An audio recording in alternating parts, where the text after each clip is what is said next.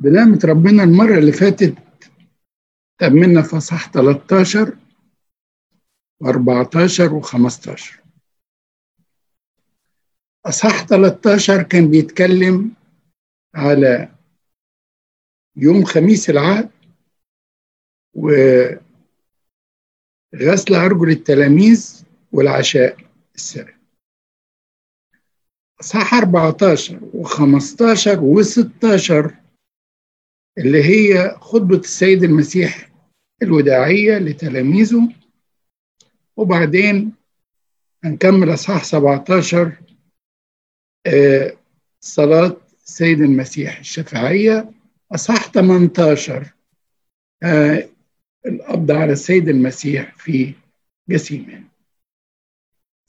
قبل ما نبتدي ندخل في صح 16 جاني الحقيقة ربنا يعوضه. أنكر رمسيس بعت لي تعليق ظريف جدا. أشكره عليه ومحبته. أنا كنت ذكرت في أصحاح 13 إني يهوذا ما تناولش من جسد الرب ودمه. يعني ما حضرش العشاء السري اللي أعطى فيه السيد المسيح جسده ودمه هو حضر الجزء الأولاني اللي هو الفصح إنما الجزء الثاني آه ما حضروش. أنكر رمسيس الحقيقة بعت لي بيقول لي إني القديس يوحنا ذهبي الفم ذكر في إحدى عظاته إن يهوذا قد تناول فعلا ويقول بالنص في عظته عن عقاب الله لمن يتناول بغير استحقاق هذا الذي إذا تناول منه دي في العظة بتاعت قديس يوحنا ذهبي الفم هذا الذي إذا تناول منه أحد بغير استحقاق تكون له عقوبة وهلاك كما صار ليهوذا الذي أسلم الرب عندما تناول بغير استحقاق. الحقيقة هو في ناس فعلا بيقولوا إن يهوذا تناول. إنما الكنيسة عندنا والآباء وقداسة البابا شنودة والأنبا بيشوي والبابا قصدي الأنبا كيرلس عمود الدين مستشهدين وبيقولوا إن يهوذا لم يتناول من جسد الرب ودمه. أنا مش عايز أدخل الحقيقة في جدل ليه ولأ عشان بس وقت حضراتكم. لكن اللي يدخل على موقع هيمونايت هيلاقي ردود كتيرة على هذا الكلام وإن يهوذا ما تناولش وما حضرش العشاء السري اللي أعطى فيه السيد المسيح جسده ودمه ليه. اللبس اللبس الوحيد اللي موجود على فكرة في إنجيل لوقا أصحاح 22 في عدد يعتبر من عدد 17 وده مردود عليه إني في الفصح اليهودي كانوا بيحطوا أربع كؤوس الكاس الأولاني والثاني والثالث والرابع ولهم تسميات معينة ولهم طقس معين بيعملوه. فالكاس الأولاني شرب منه يهوذا الكاس الثاني شرب منه برضه يهوذا إنما الثالث اللي هو سيد المسيح استخدمه علشان جسده ودمه سر التناول ما تناولش منه يهوذا.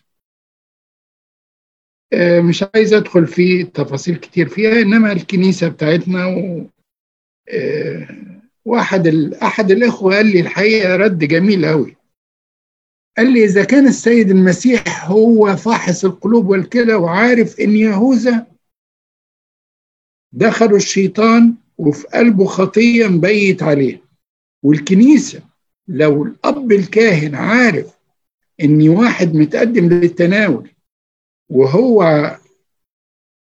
ما مش مستعد مش مسامح ما قدمش توبة عن خطية معينة يقول له لا روح اعترف الأول وروح قدم توبة عن خطيتك دي وما بيناولوش فعلا آه، آه، إلا لما بيتوب عنه.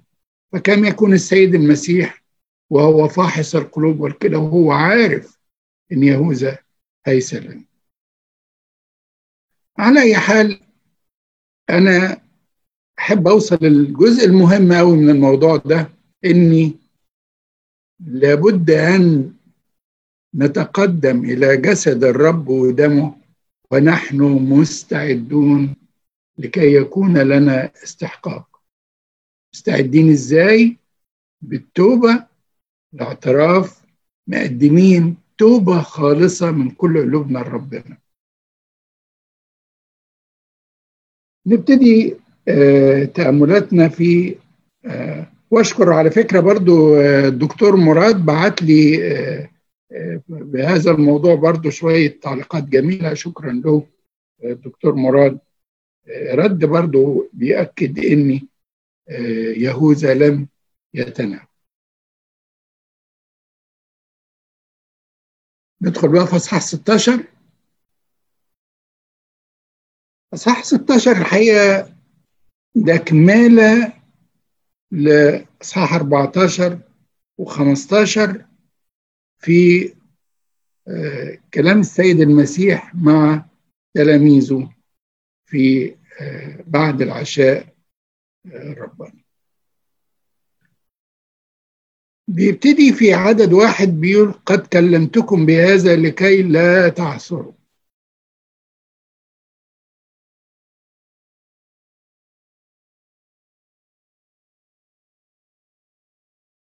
لكي لا تعثروا.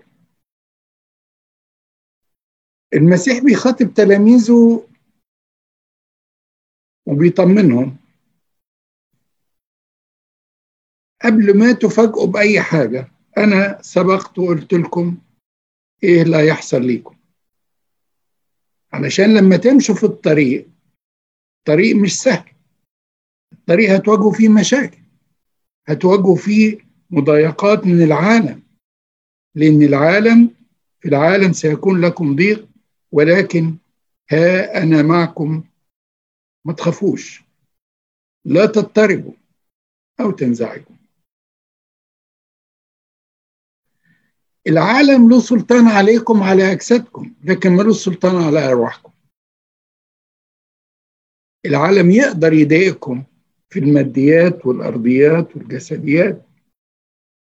وكل ده هينتهي. لأن أشياء هتفنى إنما الروح الثابتة في الله والمتعلقة به هي فعلا اللي تقدر تثبت وتواجه في اضطهادات هذا العالم. الآية الجميلة اللي عايز أقولها لحضراتكم. سيخرجونكم من المجامع آية 2 بل تأتي ساعة فيها يظن كل من يقتلكم أنه يقدم خدمة لله.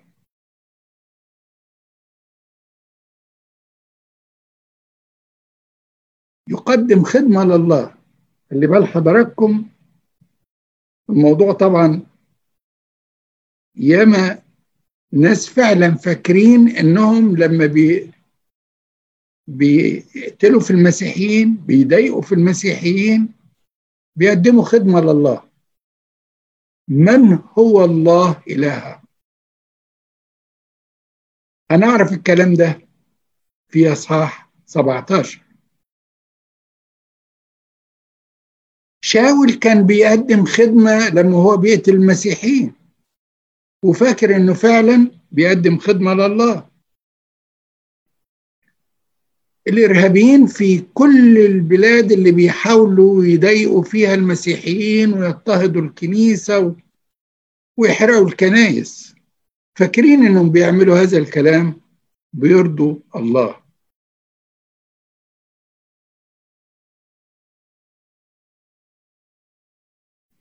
لكن في عدد ثلاثة السيد المسيح بيقول إيه؟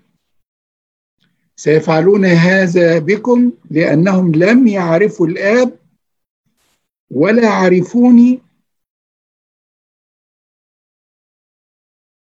لأني لو عرفوا الآب وعرفوني هتتغير فعلا حياتهم. هنشوف كده الكلام ده في أصحاح 17 اللي بيضطهدوكم دول عندهم الله اللي بيعرفوه. الله المتعالي. إنما إحنا بنعرف الله المتنازل الذي تنازل لينا. هم يعرفوا الله الواحد الجبار. إنما إحنا نعرف الله المحب. الذي أرسل ابنه الحبيب الوحيد لكي لا يهلك كل من يؤمن به. وأرسل الروح القدس لكي يكون معنا ويرشدنا ويعزينا. فنحن نؤمن بالله الآب والابن والروح القدس.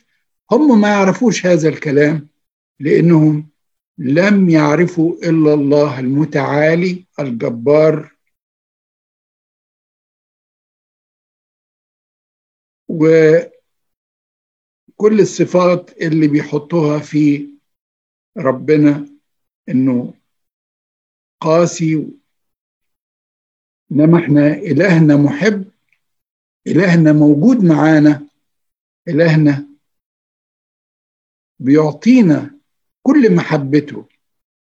ومن محبته نزل وتجسد بينا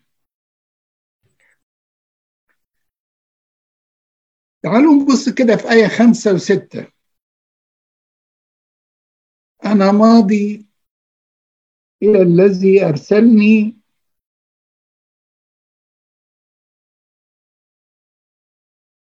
وبيؤكد السيد المسيح للمرة الثانية أن الآب في السماء وهو الابن الكائن في حضن الآب. وبيأكد كمان أنه سيرسل الروح القدس.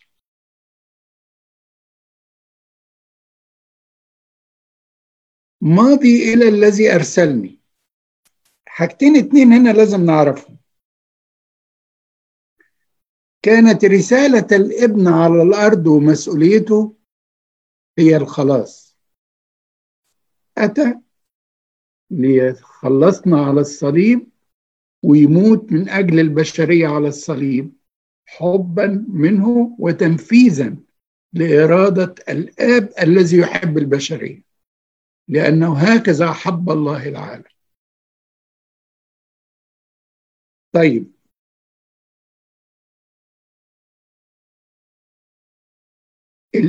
الابن هيصعد للسماء تاني بجسده.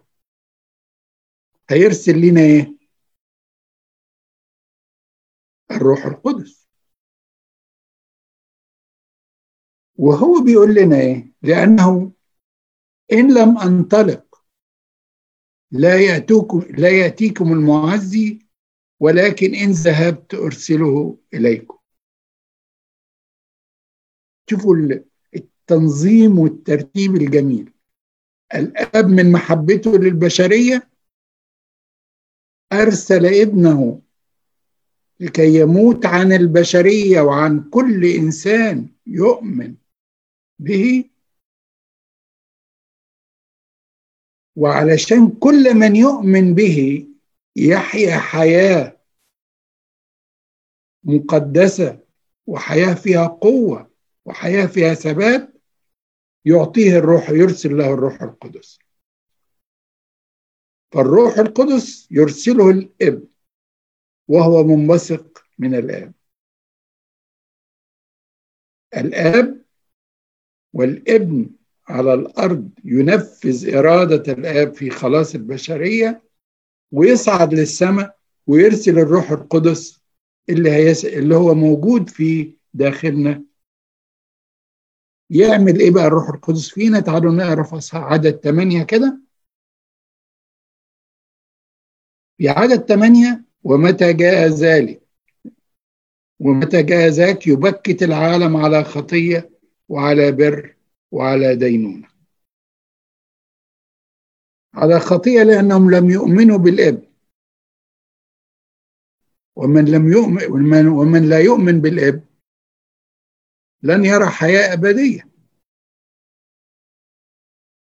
لأن من من لا يؤمن بالابن لا ينال الخلاص وبالتالي لا يكون له نصيب في السماء ولن ينال الغفران. يبكت على بر لأني ذاهب إلى أبي. ما هو البر؟ المقصود هنا إيه؟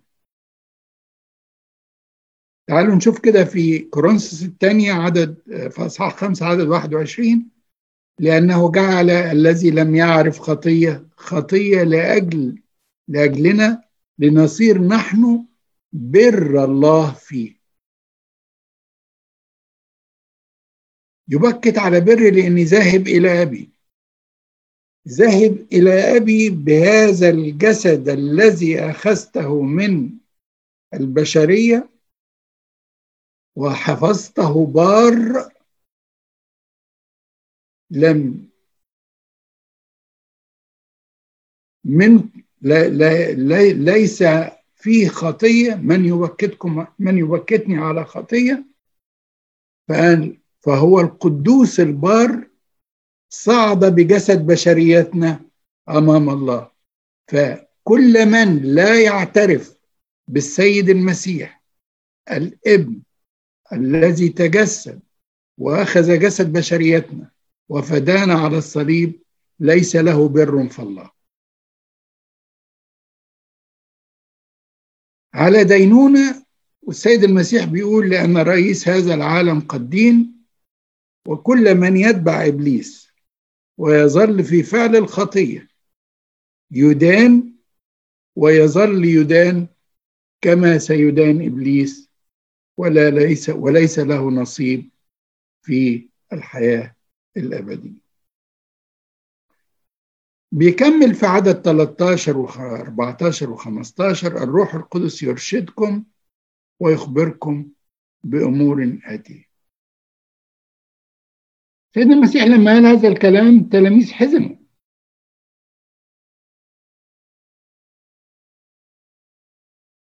لأن ساعته قد جاءت. لكن هنا في التعزية التي أعطاها السيد المسيح لهم. بيقول لهم إيه؟ لأن حزنكم يتحول إلى فرح. سأراكم أيضا فتفرح قلوبكم ولا ينزع أحد فرحكم منكم. الذي آمن بالسيد المسيح الإله المتجسد والمخلص على الصليب يفرح. يفرح ليه؟ لأنه بموت السيد المسيح على الصليب أصبح له مكان في السماء ومنزل في السماء من حقه. لو سلك حسب وصايا السيد المسيح سيكون له مكان في السماء وينال هذا المنزل.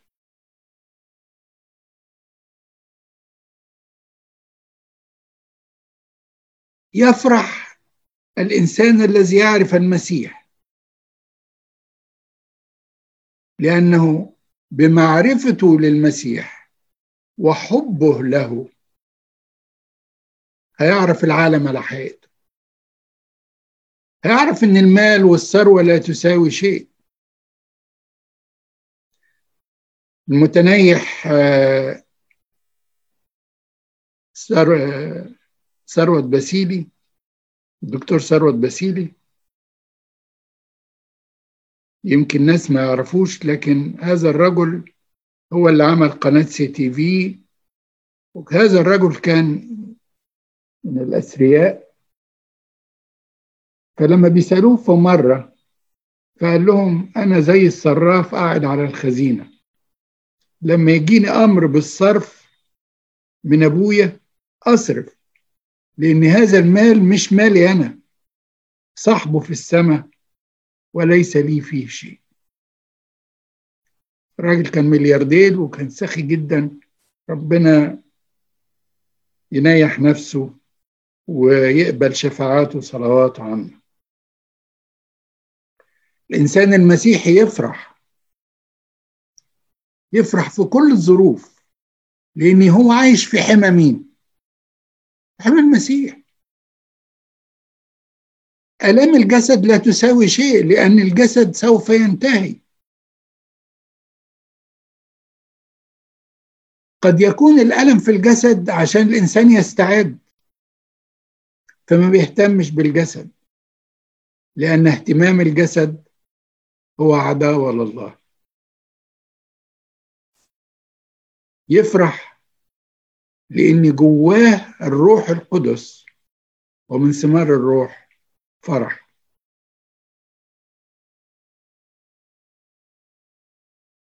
بيكلم تلاميذه بيقول لهم اطلبوا تأخذوا. ليكون فرحكم كاملا. على فكرة السيد المسيح قال اطلبوا كتير قوي.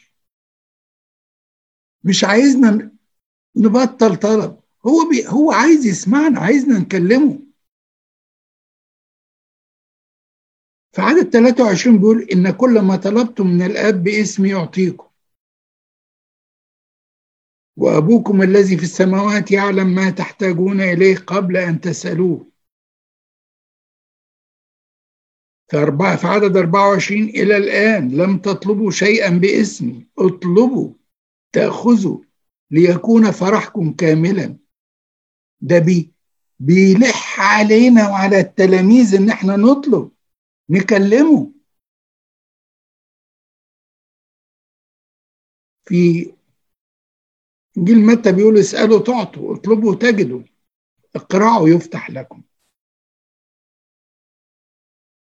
الله يريدنا أن نتكلم معه ونطلب منه.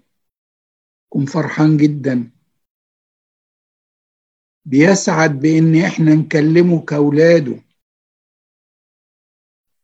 رغم كل المجد. وليس وليس هو محتاج إلى عبوديتي بل أنا المحتاج إلى ربوبيتك. ومع ذلك هو عايزنا نكلمه. اطلبوا لكي يكون فرحكم كاملا. نطلب إزاي؟ ده موضوع تاني بقى يطول شرحه. لأن الإنسان اللي اتملى قلبه بالمسيح من جوه وعشرته مع المسيح لن يطلب الارضيات اطلبوا اولا ملكوت الله وبره. وهذه كلها تزاد لكم.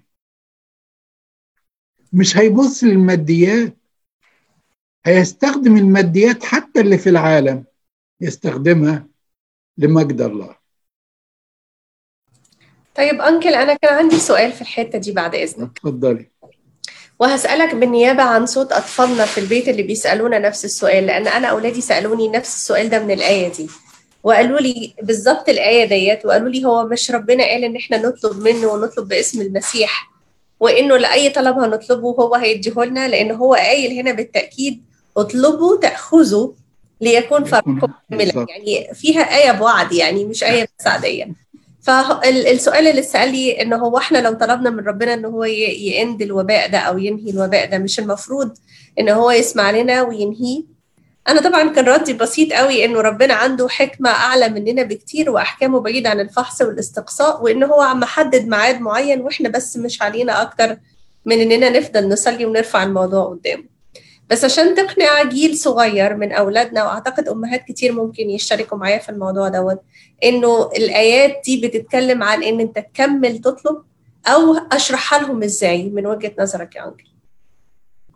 الحقيقة هو الرد اللي حضرتك قلتيه رد مقنع جدا لإني أول حاجة إحنا بنتعامل مع ربنا مش منطلق إن إحنا عايزينه علشان اللي بيديهولنا. إحنا بنتعامل معاه وإحنا حاسين تماما إن هو بيحبنا. فالمفهوم اللي إحنا عايشين بيه واللي في قلوبنا إنك أنت بتحبنا يا رب. لما بنيجي نطلب حاجة هو بحكمته وإنه قدامه كل شيء مكشوف. هو عارف الحاضر والمستقبل. الكون كله مكشوف قدامه. هو عارف الفايدة فين والصالح فين. فكل الأشياء تعمل معا للخير. للذين يحبون الله. ثق تماما إن ربنا ممكن يأجل شوية لسبب معين. لأنه عايزني إن أنا أتعلم الصبر شوية. يمكن عايز ناس معينين هو بيحبهم وعايزهم يرجعوا له. هو بيحب البشر كلهم. بيحبني ويحب كل الناس. على فكرة حتى الناس اللي هم مضطهدين ومش مؤمنين بيه وملحدين ما زال الله يحبهم وبيبعت لهم رسائل. الله محبة. فمحبته لينا إحنا بنتعامل معاه إن هو أحبنا اولا وإحنا بنحبه. وفي محبته دي أنا واثق تماما إنك أنت بتعمل كل حاجة للخير وفي الوقت المناسب هتدينا. وقصص كتيرة أوي أوي. في الكتاب المقدس مذكورة عن هذا الحب. يوسف كان ربنا بيحبه ولا ما بيحبوش؟ ده دانيال كان ربنا بيحبه ولا ما بيحبوش؟ وكتار جدا والتلات فتية وكله. وعلى فكرة في في عصرنا الحديث ناس كتير جدا بيطلبوا من ربنا حاجات يمكن ربنا ما بيستجيبش في وقتها لكن بيعرفوا بعد كده ليه ربنا ما استجابش لكده. يعني يطول يعني لسه امبارح كنت بكلم أحد القديسين المعاصرين أنا بعتبره قديس معاصر صدقوني. وكنت ببارك له على نعمة معينة. يعني. وبعدين قعدت أتأمل. كان بيفكر في حاجات معينة هو كان معانا هنا على فكرة في الكنيسة. ربنا كان بيحوط عليه بطرق معينة. عايز شغل معين مش عايز يدوله عايز يشتري بيت مش عايزه يشتري بيت. لأنه دعاه لخدمة معينة.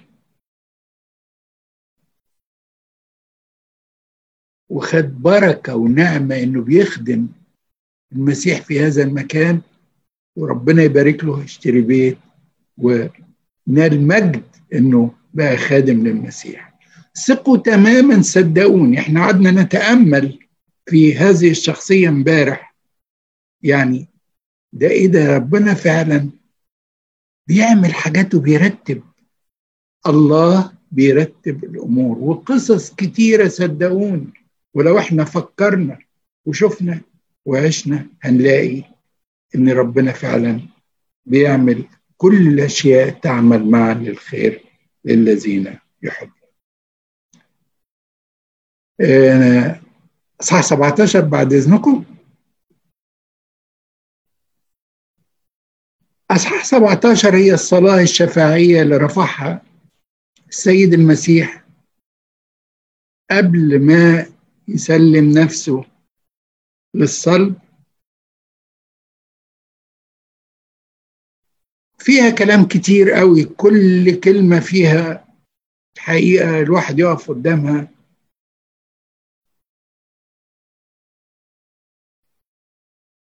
يعني لكن أنا يعني اسمحوا لي بس هاخد حاجات سريعة كده. هنبص لعدد واحد واثنين وعدد خمسة.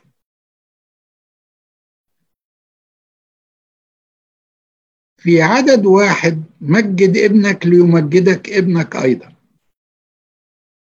في عدد اثنين إذ أعطيته سلطانا على كل جسد ليعطي حياة أبدية لكل من أعطيته. في عدد خمسة والآن مجدني أنت أيها الآب عند ذاتك بالمجد الذي كان لي عندك قبل كون العالم. الآية واحد مجد ابنك على الصليب لأني هيظهر المجد وهو على الصليب.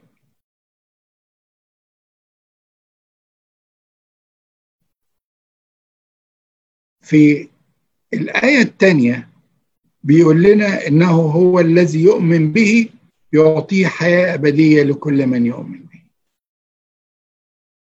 آية خمسة بتثير أحيانا تساؤلات عند بعض الناس. والآن مجدني أنت أيها الآب عند ذاتك بالمجد الذي كان لي عندك قبل كون العالم.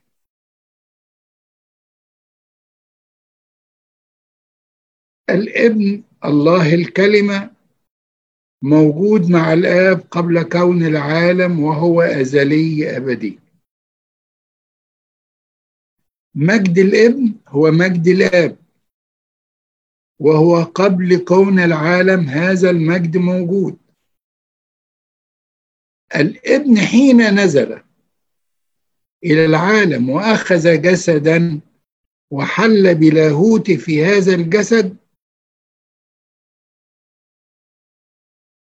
فالتجسد لم يفقد اللاهوت شيء من مجده. فهو كان على الأرض حال في الجسد الإنساني وفي نفس الوقت هذا اللاهوت كان موجود في السماء. تعالوا نشوف كده بقى مجدني أنت أيها الآب عند ذاتك بالمجد الذي كان لي. مجدني أنت أيها الآب. طب ما أنت ممجد منذ الأبد. أنت ممجد وموجود في السماء ومجدك لم ينقص شيء. حينما أخذ جسد البشرية وحل في الناسوت مجد الله لم يتغير. طب أمال بيطلب مجد مجدني أنت أيها الآب. حد يقدر يرد على الحتة دي معايا؟ ممكن عشان الخطية. الخطية اللي كان كان لازم يدفع ثمنها على الصليب زي حصل كده زي اختزال يعني من الخطية. مجد اللاهوت لم يتغير خلي بالكم.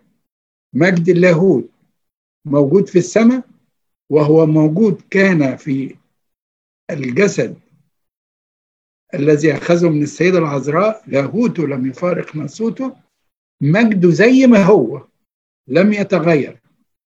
المجد اللي بيطلبه هنا هو هذا المجد للجسد البشري اللي خده من العذراء. هو لاهوت مجده ثابت.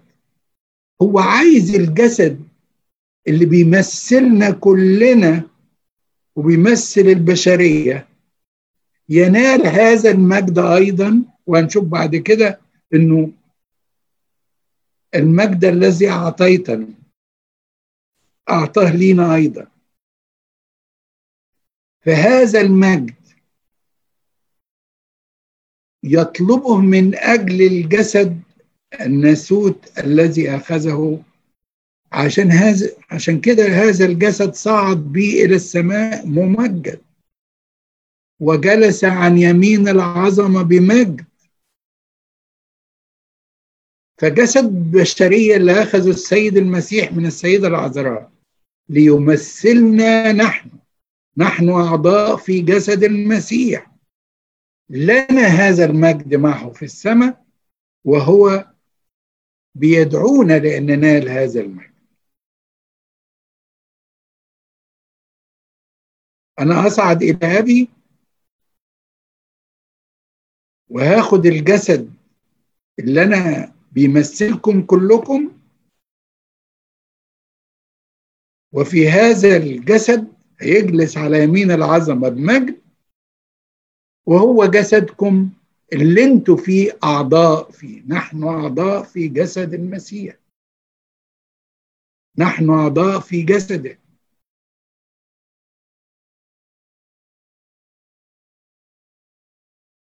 أي أي استفسار يا مريم ولا حاجة؟ لا يا عم شكرا في عدد ثلاثة بيقول إيه؟ وهذه هي الحياة الأبدية أن يعرفوك أنت الإله الحقيقي وحدك ويسوع المسيح الذي أرسلته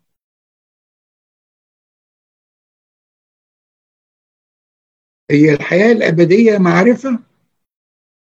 آه معرفة ليه؟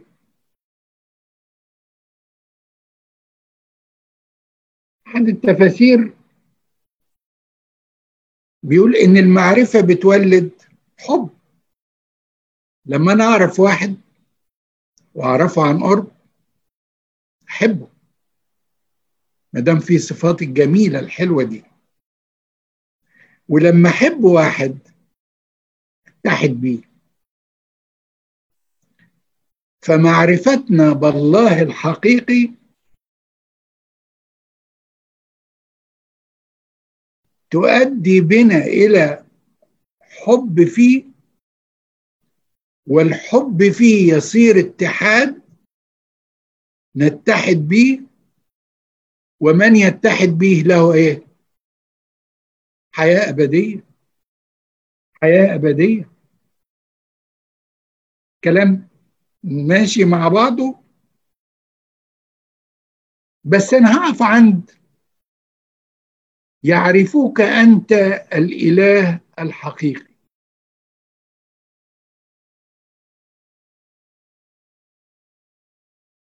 هو في إله غير حقيقي؟ آه إحنا لسه في أصحاح 16 وكل من أنهم لم يعرفوا الآب ولا يعرفوني وكل من يقتل يظن كل من يقتلكم أنه يقدم خدمة لله. إلهكم. إلهكم. مش عارفين الإله الحقيقي. من هو هذا الإله الحقيقي؟ الإله المحب. الإله الواحد. مثلث الأقانيم. هم مش عارفين. مش عارفين إن الله من محبته أرسل ابنه لأن خطية آدم كان لابد أن يحدث أن يموت أحد عن هذه البشرية. ولا يوجد أحد في البشرية يستطيع أن يموت. إن لم يكن هذا الشخص بلا خطية. عشان كده الابن الكلمة بمحبة الآب أطاع ونزل وأخذ جسد البشرية اللي صعد بيه على الصليب وخلصنا وفدانا وأعطانا حياة أبدية. يعرفوك أنت الإله الحقيقي وحدك. ويسوع المسيح الذي أرسلته. وعلى فكرة الآية دي بترد على بدعة ظهرت في هذه الأيام. بتقول إني الله الله اللي أنتوا بتعبدوه ده الله رحمه كويس قوي يعني. طب ما في ناس بيعملوا أعمال حسنة. وأخلاقهم حسنة. ربنا مش بظالم عشان يلقيهم في جهنم.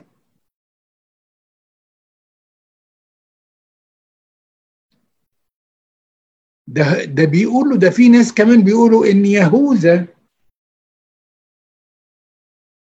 كان سبب في خلاص البشرية. لأن هو اللي سلم المسيح وبموت المسيح على الصليب. حصل خلاص. طب ليه يهوذا يتجازى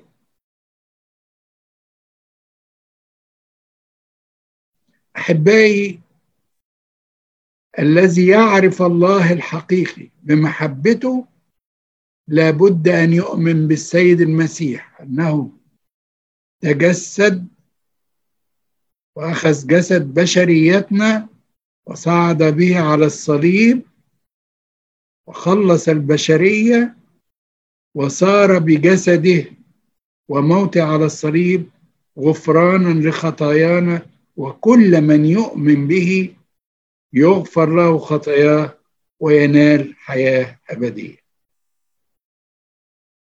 الحياة الأبدية لمن يعرف الله الاب المحب والابن الذي تنازل وتجسد والروح القدس العامل فينا والساكن الذي يسكن في قلوب كل من يؤمن به. لأن المعرفة الحقيقية تؤدي إلى حب الله. فأحيا لله لا للعالم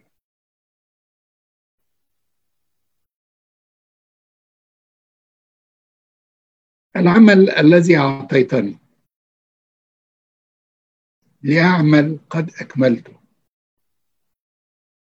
ده في عدد أربعة في عدد ثمانية لأن الكلام الذي أعطيتني قد أعطيته. هحط الآيتين جنب بعض وهم بيكملوا بعض على فكرة.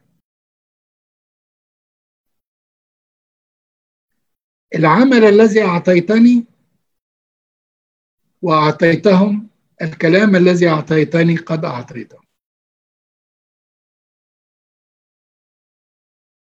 تعالوا نحول بقى الموضوع لينا. ما هو العمل الذي أعطاه الله لي ولك ولك لكي نعمله؟ إذا كنت أب أو أم ما هو العمل الذي أعطاه لك؟ وهل نقدر نقول قد أكملته؟ هل نحن أعطينا أولادنا وبناتنا فعلا كلام الله زي ما السيد المسيح بيقول الكلام الذي أعطيتني قد أعطيتهم؟ هل فعلا إحنا بنعلمهم ونخليهم يتشربوا فعلا ويحفظوا الكلام الكتاب المقدس ويعيشوا فيه ولا إحنا مهتمين بالجسد واللبس والتعليم؟ تعليم دنيوي مدارس. إذا كنت خادم أنا بعلمهم إيه؟ هل أقدر أقف قدام ربنا وأقول له العمل الذي أعطيتني قد أكملته هل كل كلمة وكل خدمة هي كلام الله. أحد الناس الروحيين بيقول أي عزة ما فيهاش كلام ربنا لا تصل إلى القلوب. لو العزة كلها كلام من الكتاب المقدس هتوصل لقلب الناس لأن كلام كلمة الله حية وفعالة. فلتكن كلماتنا وخدمتنا وتعليمنا في البيت لولادنا. أن نوصل لهم فعلا كلمة ربنا عشان نقول له العمل الذي أعطيتني قد أكملت. من أجلهم أنا أسأل.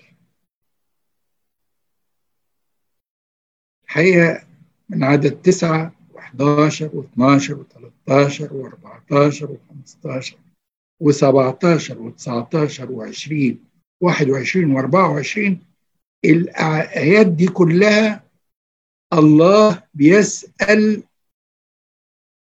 خلي بالكم مش لتلاميذه بس لأجل تلاميذه. ده بيسأل من أجلنا أيضا بيسأل الآب. من أجل تلاميذه ومن أجلنا نحن أيضا الذين آمنا بكلامه بيخصنا إحنا بالذات المؤمنين لست أسأل من أجل العالم بل من أجل الذين أعطيتني لأنهم لك. عدد 11 ولست أنا بعد في العالم وأما هؤلاء فهم في العالم. وأنا آتي إليك أيها الآب القدوس. احفظهم في اسمك ليكونوا واحدا كما نحن. احفظهم في اسمك. حين كنت معهم في العالم كنت احفظهم في اسمك. الذين أعطيتني حفظتهم ولم يهلك منهم أحد إلا ابن الهلاك. يتم. الكتاب أما الآن فإني آتي إليك وأتكلم بهذا في العالم ليكون لهم فرحي كاملا فيهم.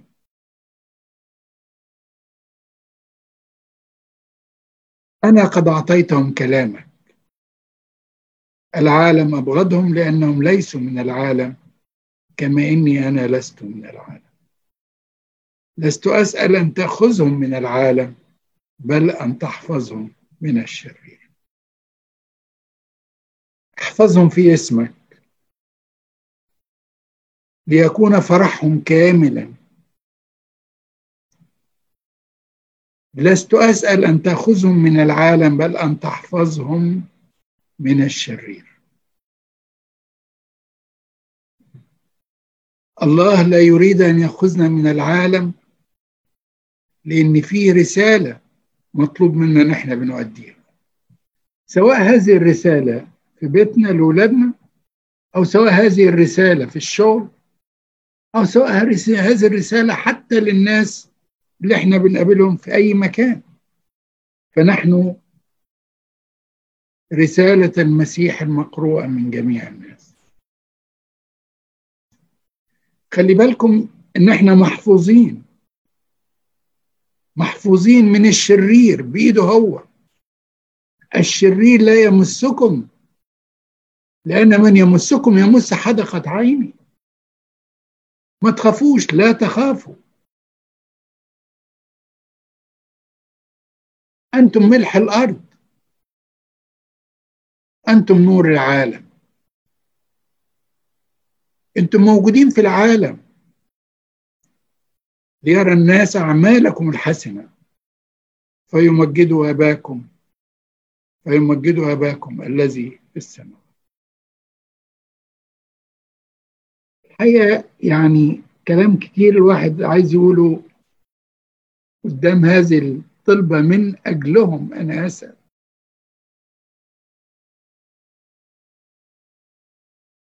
يريد لنا فرح يحفظنا هو من الشرير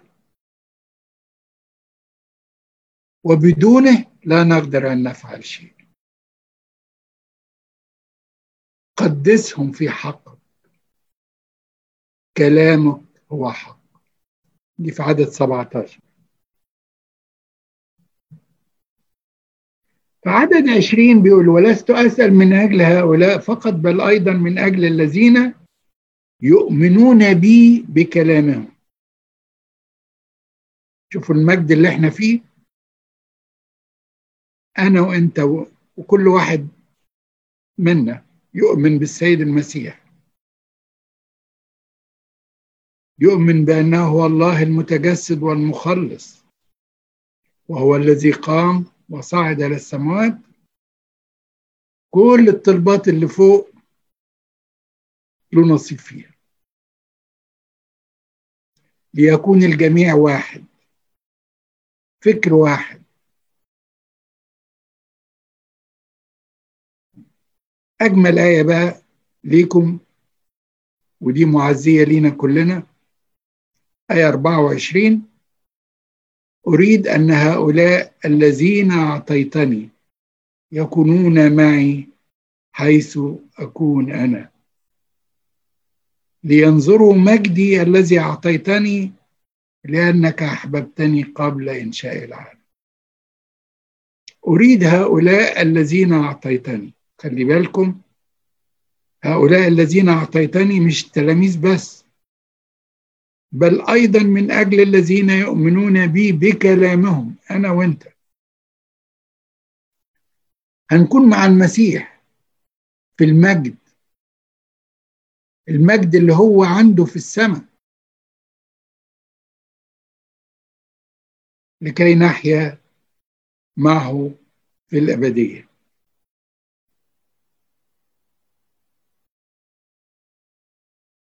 في عدد 18 كما أرسلتني إلى العالم وأرسلتهم أنا إلى العالم.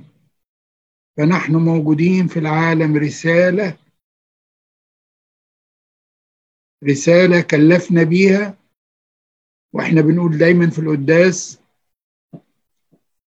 لما أبونا بيقول تبشرون بموتي وتعترفون بقيامتي بنقول إيه؟ آمين آمين آمين. بموتك يا رب نبشر. وبقيامتك. نعترف. إحنا مطلوب منا إن إحنا نذهب إلى العالم. اذهبوا وتلمذوا جميع الأمم. اذهبوا إلى العالم أجمع واكرزوا بالإنجيل للخليقة كلها.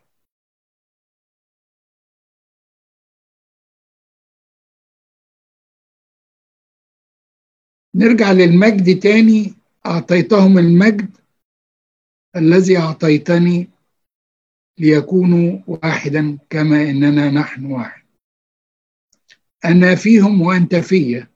ليكونوا مكملين إلى واحد وليعلم العالم أنك أرسلتني وأحببتهم كما أحببتني. الله أعطانا مجد أعطانا محبته فنحن في اطمئنان لا نخاف ولا نجزع لأننا معك. أصح 18 يعني همشي بسرعة فيه شوية لأنه هو الأب على في جسيماني. وكلنا عارفين القصة لما يهوذا جاب العساكر وقبضوا عليه في جسيماني في جسيماني. وقال لهم السيد المسيح أنا هو فوقعوا على الأرض وخافوا لأن كلمة أنا هو تعني أنا هو الله القادر على كل شيء. ومحبته برضه لتلاميذه محبته لينا. قال فإن كنتم تطلبونني فدعوا هؤلاء يذهبون عشان يسيبوا أولاده. وبعدين خدوه لبيت حنانيا دي أول محاكمة كانت في بيت حنانيا. وحنانيا اللي هو حمى قيافة قيافة كان رئيس الكهنة.